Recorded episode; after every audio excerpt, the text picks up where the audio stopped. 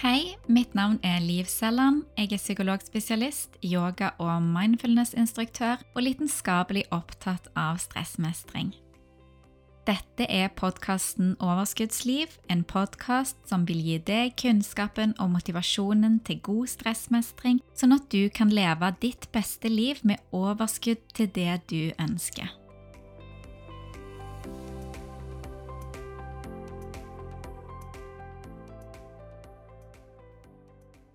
Hei og velkommen til en ny episode av podkasten Overskuddsliv. Forrige uke så snakka jeg om denne tendensen som mange av oss har til å ville kontrollere situasjoner eller personer eller andre aspekter med våre omgivelser, og hvordan dette kan skape mye ekstra stress. Og særlig da når vi prøver å kontrollere det som vi egentlig har begrensa påvirkningskraft over. Denne uken vil jeg fortsette på dette temaet med kontroll. Og mer spesifikt så tenker jeg å snakke om hvordan vi ofte bruker mye krefter og energi på å prøve å kontrollere forskjellige ting med oss sjøl. Og da særlig har jeg lyst til å snakke om hvordan vi gjerne prøver å kontrollere våre ubehagelige følelser, eller følelser som vi ikke ønsker å ha der, og hvordan vi prøver å kontrollere forskjellige typer symptomer som vi heller ikke ønsker, men som er til stede. Og vi skal òg se på hvordan dette kan være en strategi som faktisk kan virke mot sin hensikt.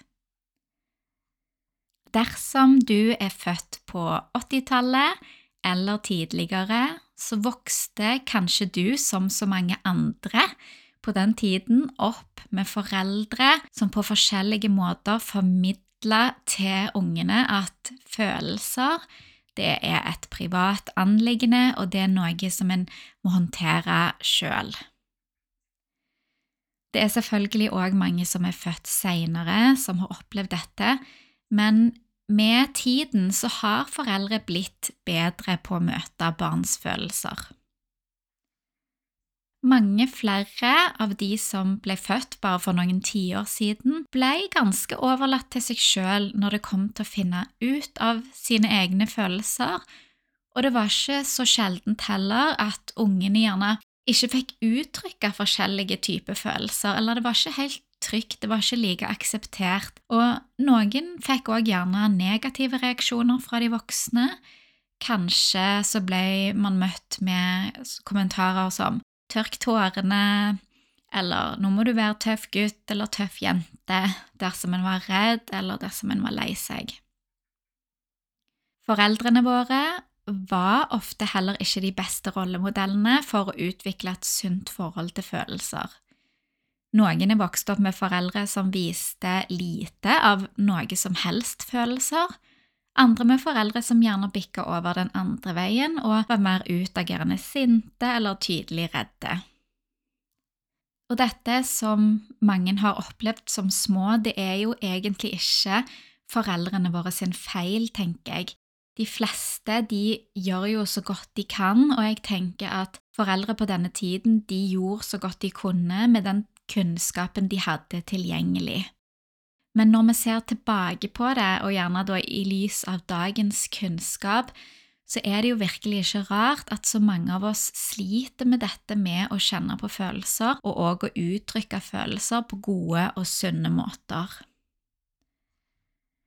Mange av oss har lært å dempe og gjemme eller på et eller annet vis kontrollere og gjerne òg overkontrollere følelsesuttrykkene våre og vi har i tillegg ikke lært å bli så klok på det indre følelseslivet vårt fra barndommen. Og mens litt kontroll på hvordan vi uttrykker følelser er lurt, så har mange voksne i dag lært å overkontrollere. Både ved at man gjerne ikke deler og heller ikke viser andre noe særlig av hva man føler, men òg på det viset at vi holder følelsene våre litt på avstand inni oss sjøl.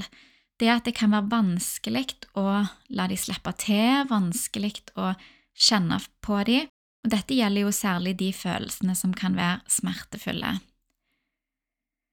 Og når vi da opplever følelser dersom vi ikke er så kjent med de og ikke har lært å bli klok på de eller skille de, så kan det gjerne òg oppleves litt som et sammensurium av noe diffust og gjerne ubehagelig på innsiden som vi sliter med å sette ord på.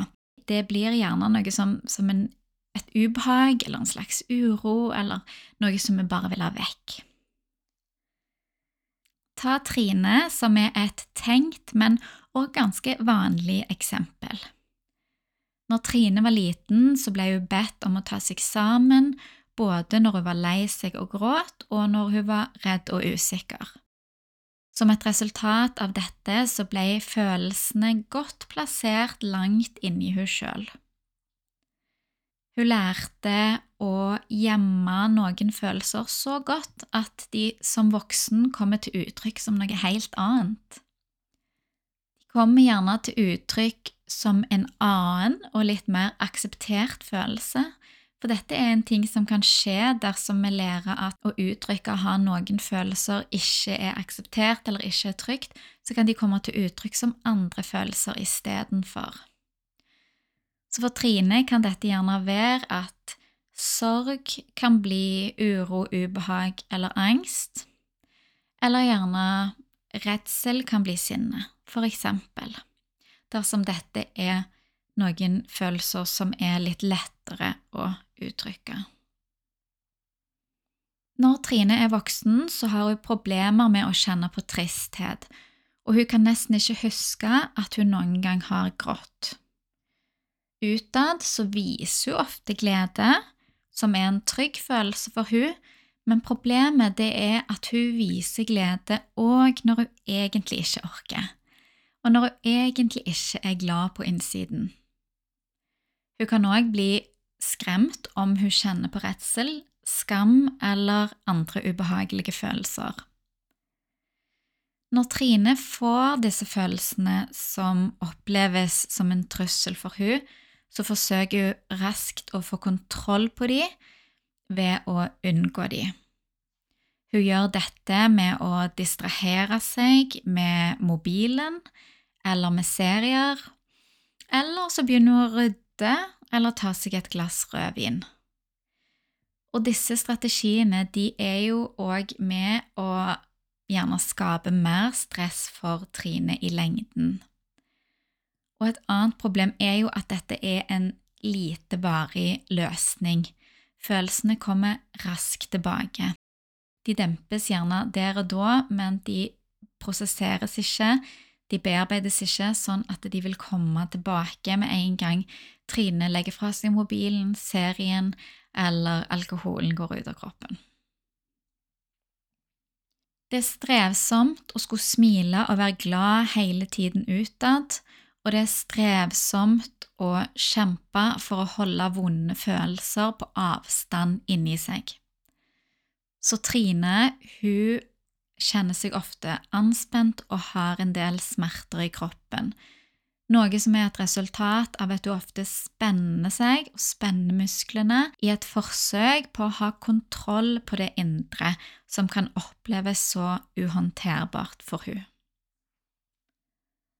Følelser de er kroppslige. De eksisterer veldig mye i kroppen vår, og det er gjerne der vi kan kjenne følelsene.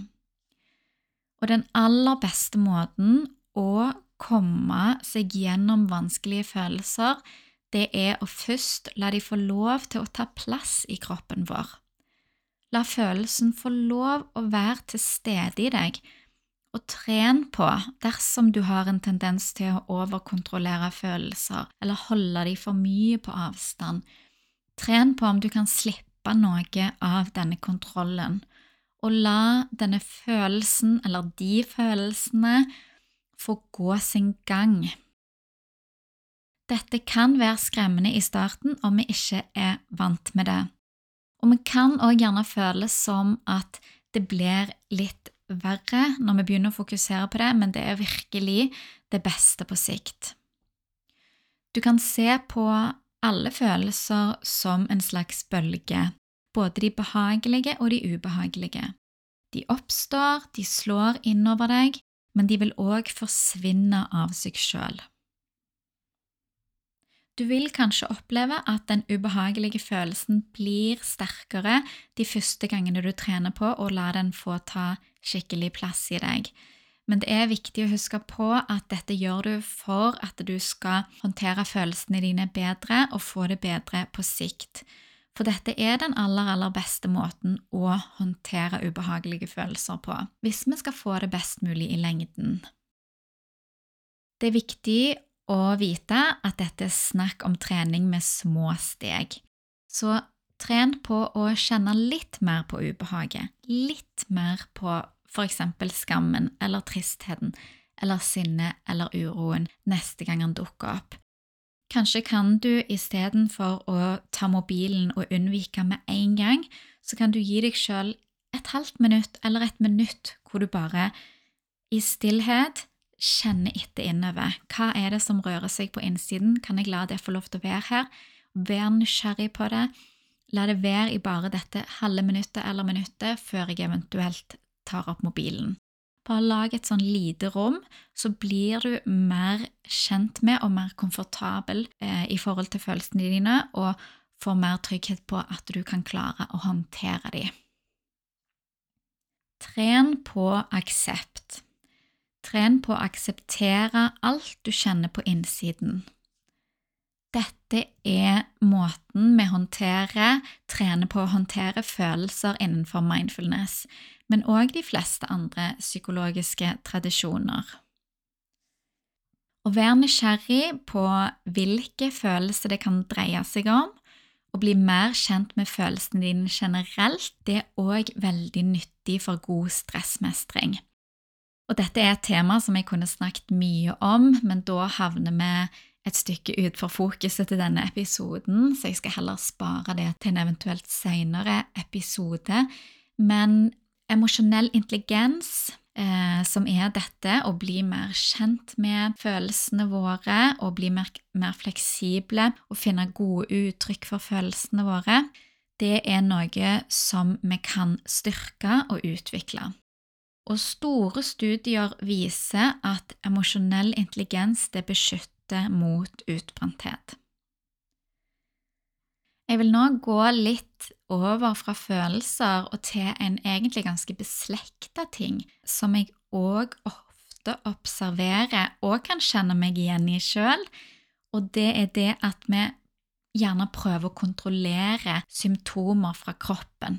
Når vi har uønska symptomer eller ubehagelige, smertefulle eh, symptomer fra kroppen, så prøver vi å få kontroll på disse. Vi jobber gjerne mot disse ubehagelige symptomene som er til stede. Og det kan være all slags type symptomer, alt mulig ubehag som vi kjenner på. Noen vanlige kan være kvalme eller utmattelse, svimmelhet, smerte, hodepine eller andre typer symptomer. Og dette fenomenet det er nok spesielt gjeldende for de som har opplevd en del symptomer tidligere, og gjerne òg opplevd å fått negative konsekvenser, eller at det har vært smertefullt for dem. Kanskje er det at man har eh, hatt eller har en eller annen sykdom eller plage, eller at man har opplevd å være syk av stress eller utbrent. For det da oppleves fort òg disse symptomene som litt farlige, eller de kan være en eller annen form for trussel. For en person som aldri har vært særlig sliten tidligere, så vil kanskje noen dager med utmattelse være noe som man ikke tenker noe særlig over. Det kan være at man da bare legger seg ned og overgir seg til det går over, og egentlig stoler på at dette vil gå forbi. Men for en person som har vært utbrent, eksempel, så kan det være kjempeskremmende og det kan føre med seg en del frykt for å havne tilbake der man var. Jeg møter mange mennesker i samtalene mine som prøver å kontrollere sånne kroppslige symptomer, for så å prøve å få en slags kontroll og oversikt over det man opplever.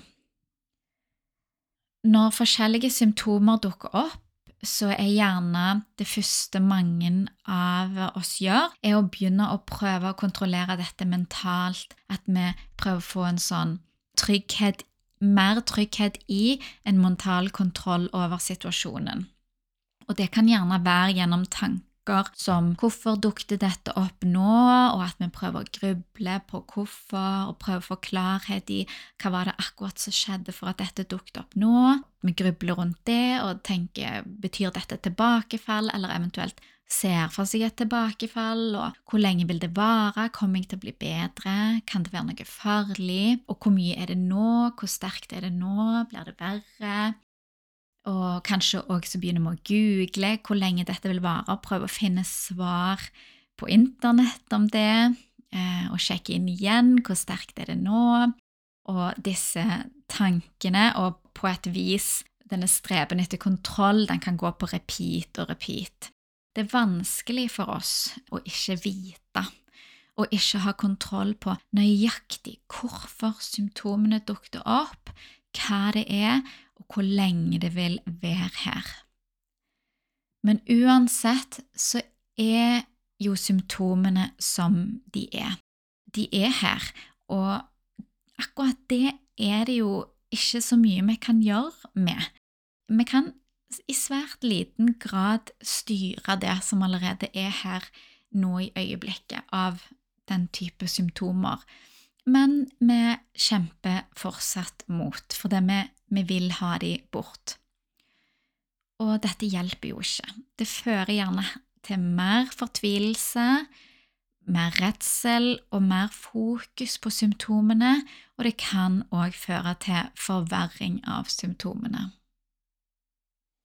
Å ha mye smerter eller annet ubehag og skulle prøve å akseptere det, og skulle prøve å slippe den, dette forsøket på å få kontroll og satse på at det ender godt, det er ikke lett. Men det er likevel viktig at vi øver oss på å gjøre det. Selvfølgelig så skal vi jo gjøre det som er fornuftig når vi har symptomer, om det er å oppsøke lege eller å ta en smertestillende eller å lindre på de måtene vi kan, så skal vi gjøre dette. Men så er det òg viktig å si til oss sjøl når vi ser at 'nå har jeg gjort det som jeg kan'. Og da er gjerne utfordringen, men òg det nødvendige, å trene på å være i det som er akkurat nå. Det er jo likevel her og det som kommer seinere, for det er gjerne det vi prøver å få kontroll over. Hvordan blir dette i morgen? Hvor lenge varer det? Hva er dette? Litt sånn at vi skal prøve å kontrollere fremtiden. Men det som kommer seinere, det kan vi bare håndtere når det kommer. Så det som er interessant for deg, det er tåler jeg det som er her akkurat nå?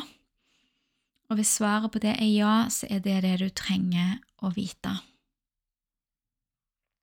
Dersom du kjenner deg igjen i disse tingene og ønsker å prøve en god øvelse som kan hjelpe deg når du står i disse situasjonene, så anbefaler jeg å prøve øvelsen som heter å håndtere symptomer som skremmer deg, som òg ligger i Stressportalen.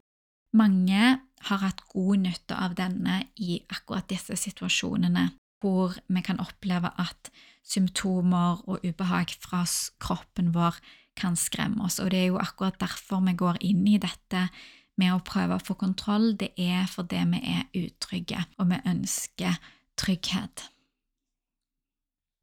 Om du vil jobbe videre mot mer aksept av det som er, om det er situasjoner eller følelser eller symptomer, så er den aller beste måten å gjøre dette på å begynne med eller å fortsette med mindfulness-meditasjon. Det grunnleggende i mindfulness det er å møte øyeblikket, være i øyeblikket her og nå, og møte det med en åpen, vennlig og aksepterende holdning. Og dette er jo det motsatte av overkontroll, som jeg har snakket om i denne episoden og òg i den forrige. Og selv om dette er en prosess som kan være skremmende, særlig i starten, så kan det òg være befriende å gi opp kampen og stole på at det du nå er oppi, det vil bli bedre. Om du likte denne episoden, husk å abonnere, så får du opp nye episoder når de slippes. Dersom du ønsker å lytte mer, så kan du få tilgang til alle episodene av podkasten i Stressportalen. Her slipper jeg òg en ny episode ukentlig. I Stressportalen finner du òg mange andre ressurser, annet over 40 meditasjoner og øvelser som hjelper deg med å jobbe med deg sjøl, redusere stress og oppnå mer overskudd og glede. Den rimeligste månedsprisen for Stressportalen er 59 kroner, og du kan prøve gratis og uforpliktende i syv dager. Dersom du ønsker å lese mer eller melde deg inn, gå til stressportalen.no. Takk for at du lytta til dagens episode. Håper du fikk noe nyttig ut av den, og at vi høres igjen neste uke.